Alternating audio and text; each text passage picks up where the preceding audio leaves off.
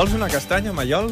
Sí, menjo una castanya. Soc- Soc al·lèrgic, soc al·lèrgic a les castanyes, eh? Calentetes. ho sento molt. Ets al·lèrgic, de debò? Les. Aquestes els ha fet la castanyera Montserrat, eh? Ho sé, ho sé. I, i no vull... No vull Aribau, Passeig de Gràcia. No vull ajudar a l'enfonsament de la castanya, però... Val. Però no puc. Està Si, si no, me n'hauria d'anar a l'hospital directe. No, no, així no. No, no, no, però no. un aplaudiment, per favor, Bravo. Mallol Roger, Moltes gràcies. periodista del País, el nostre expert en política, que ens porta les claus de la setmana. I la primera és Mas Madera Mariano. Sí, perquè us deia fa dues setmanes, crec, si no recordo malament, que, que el govern espanyol tenia dues opcions, la intel·ligent o la Mariano Rajoy. I, òbviament, tractant-se del president que tenim, eh, ha optat per la Mariano Rajoy. Eh, el tren independentista va a tope, a tope, a tope, i ell, com a, com a la pedra dels germans Marx, no? Li va fotent fusta, li va fotent fusta, li va fotent fusta. Què ha passat? Doncs que en aquesta consulta de Chichinabo, que jo lluito perquè el concepte sí, sí, es quedi i us l'apreneu d'una vegada per totes, sí, sí, sí, sí. Eh, el govern espanyol, en comptes de dir escolta'm, això no és una consulta i res, nosaltres ens igual perquè això no té cap efecte, doncs ha decidit donar-li tota la legitimitat del món, convidar a la gent que vagi a votar en base d'impugnar-la al Tribunal Constitucional. Bé, de fet, fa un pas que és demanar al Consell d'Estat, que són tot, eh, totes aquelles persones jubilades que han tingut algun pes a l'Estat que, que s'hi posen i decideixen, hi ha Maria Teresa Fernández de la Vega, per exemple, per, per donar-vos un nom, Guapa. i el Consell d'Estat ha de decidir si hi ha base per impugnar la consulta, que, que, que suposem que, Ja que, que ho pot decidir, que alguna cosa trobaran, Trobaran, exacte. home. Sí, sí. Uh, I un cop ho tingui, el tribunal ho enviarà al tribunal, el govern ho enviarà al Tribunal Constitucional, que segurament el dimarts que ve o quan es reuneixin, doncs decidirà. Uh, per què ho fa el govern? Per què comet aquest error? Primer, perquè sempre comet errors, vull dir, la intel·ligència política espanyola és un oxímoron. Després, perquè eh, li permet marcar l'agenda en un dia que tens 51, 51 diputats, eh, diputats, no, perdó, imputats, eh, que a vegades estan tan barrejats ja, eh, que, que millor que, que marcar l'agenda amb un titular com aquest, no dir, escolta, impugnarem la consulta. I de pas hi ha el pensament del govern espanyol que així es trenca la unitat dels partits. Ells encara creuen que això del procés és una cosa que s'ha inventat des de dalt, des dels polítics, des dels partits. Mm, El dia que s'assabentin que, que això és, mm, forma part d'un moviment popular que ha obligat els partits a moure'ns, potser les coses canviarien. Uh, què passa? Quina serà la resposta de, del govern català? Hi ha dubtes, perquè eh, avui el conseller Homs, quan se li ha preguntat claríssimament si el 9-N, el 9-9-N s'impugna, el govern traurà les urnes, ell ha respost això. Jo no puc pensar que això pugui ser... Vaja, que, que pugui ser prohibit, és evident, no? Perquè, vaja, perquè llavors voldria dir que ens estan situant en un terreny eh, tremendament delicat, perquè es prohibiria, de fet, expressar-se, no? I es prohibiria que una administració pública compleixi amb aquells mandats que té, en aquest cas, el de foment de la participació ciutadana. Estem aquí, no?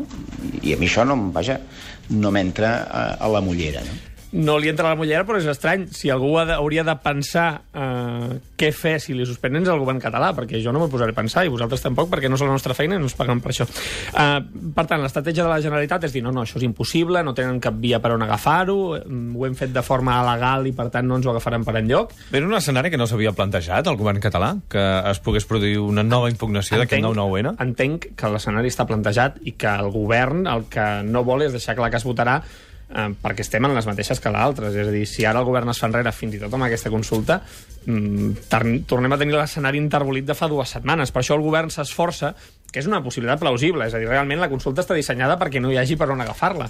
Però és que, clar, el Tribunal Constitucional es pot agafar en qualsevol cosa. Eh, llegia l'altre dia que hi havia una sentència del 88 feta a partir d'una fotocòpia penjada en una cartellera d'un ajuntament que eh, impugnava unes eleccions sindicals eh, convocades pel govern basc. Per tant, el, el Constitucional pot agafar els correus electrònics i dir mm, eh, això prova que es farà i com que ja la, la pregunta és la mateixa que la consulta, estem parlant del mateix i per tant s'impugna. Això ho pot fer el Tribunal Constitucional. Altra cosa és que el govern per desobeir digui no, no, nosaltres no hem convocat una consulta, és un procés participatiu i seguim endavant. Per tant, venen hores molt interessants, veurem quin és el clima dels partits el dimecres a, demà al Parlament i que, quin escenari tenim la setmana que ve. Veurem què passa.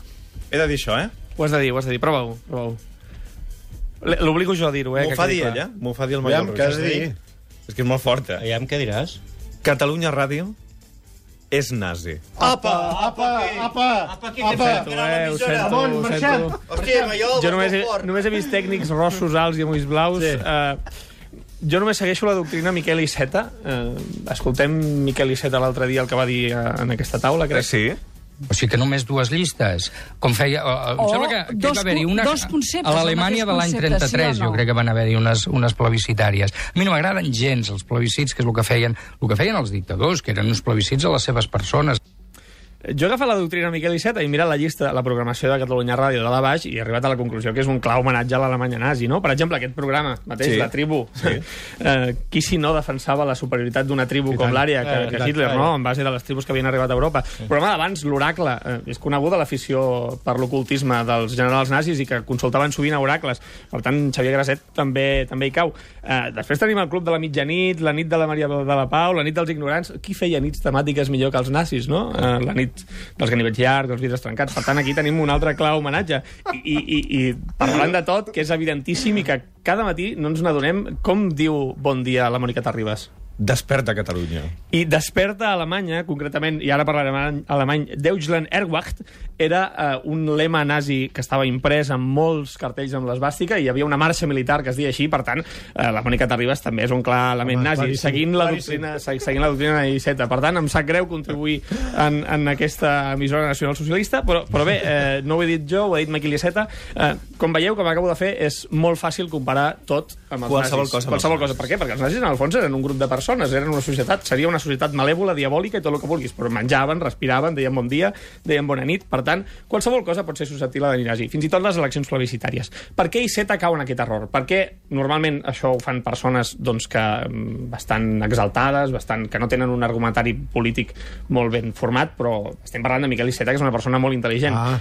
Uh, aquí jo crec que, que hi ha una, una, un- una manca de càlcul, és a dir, ell havia lle- llegit un article de La Vanguardia que feia una mica unes voltes sobre això i ell ho cita així de passada, uh, sense sense pensar la repercussió que pot tenir, i després nervis. És evident que en un moment en el que s'està discutint, ell parlava de les eleccions plebiscitàries, que hi pugui haver una llista de país, que vol dir que representi la centralitat del país, no que sigui l'únic, evidentment, que no hi sigui el PSC és una notícia, perquè us, us imagineu fa cinc anys que, diguéssim, en una Impossible. llista de la centralitat no hi fos el PSC, estaríem discutint si va davant o, o va de número dos, però jo crec que aquí hi ha, hi ha, hi ha un punt de nervis. I precisament aquesta comparació desafortunada el desacredita en el, en el seu argument, que no és, no és menor, no és una discussió eh, baladí, pensar, ostres, com plantegem unes eleccions plebiscitàries, és a dir, en el que només ens fixem en un tema, quan en, en unes eleccions es presenten molts partits, i, i a més, si aquesta llista de país finalment no hi és, eh, en eixos ideològics diferents. Tenim l'eix esquerra-dreta, tenim l'eix Catalunya-Espanya, en els quals hi ha moltes posicions.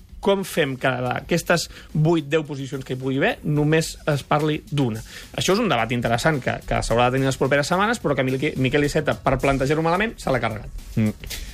Tercera clau d'aquesta setmana. Raro, eh? Jo- Que es fotia amb els socialistes, sí, aquest sí, home? Sí, que t'ha sí, sí. passat alguna cosa amb els socialistes. Bueno, és que no he eh? anat a treballar, no he rebut la doctrina Ah, bàsica del vale, socialisme vale, i, per vale, tant, vale, vale. demà ja estaré un Val, altre cop socialitzant. val, eh? no No us preocupeu. No Vale, vale. Pedro Sánchez mola.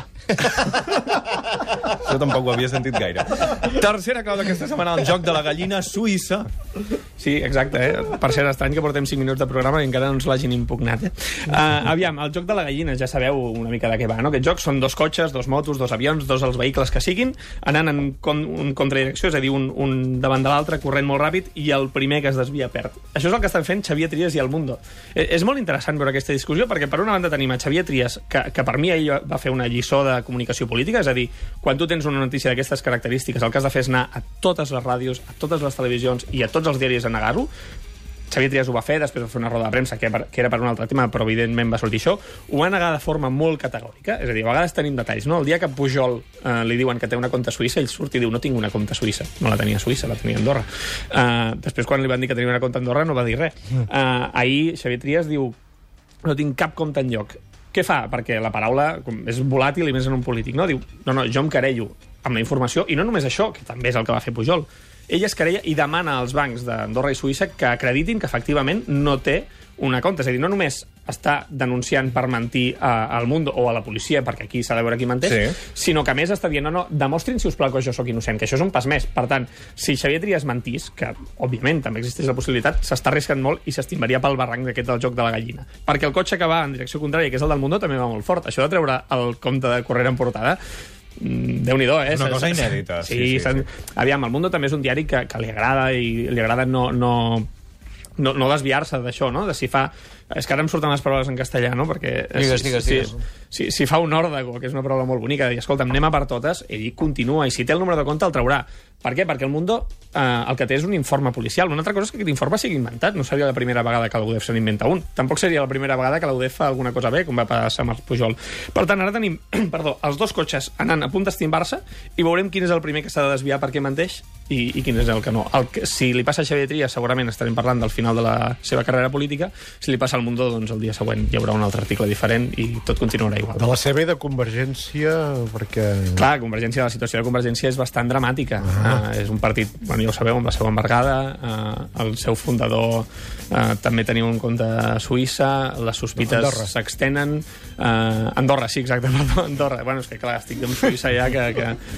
Vaja, ja no, va- vaig a la xarcuteria i només compro formatge suís. Uh, en fi, uh, i per tant la situació en la que quedaria Convergència, que ja està molt tocada eh, i ho estem veient, i això afecta el procés i afecta tots els àmbits de la política catalana perquè estem veie- veient un partit que mica en mica va a la desintegració i que ha de fer alguna cosa per refundar-se i que ho intenta eh, si un cop més queda tocada per una sospita de corrupció que es confirmés seria, seria doncs això, una bala més que ja no sé si podrien sobreviure. Doncs veurem què passa, aviam què publica demà la portada del diari El Mundo. Igual, Una igual fes una foto del Trias traient diners sí, sí, exacte. a Ginebra o... És que clar. Moltíssimes gràcies, Maiol Roger. Fins Gràcies a que vosaltres. Bravo, bravo. Adéu.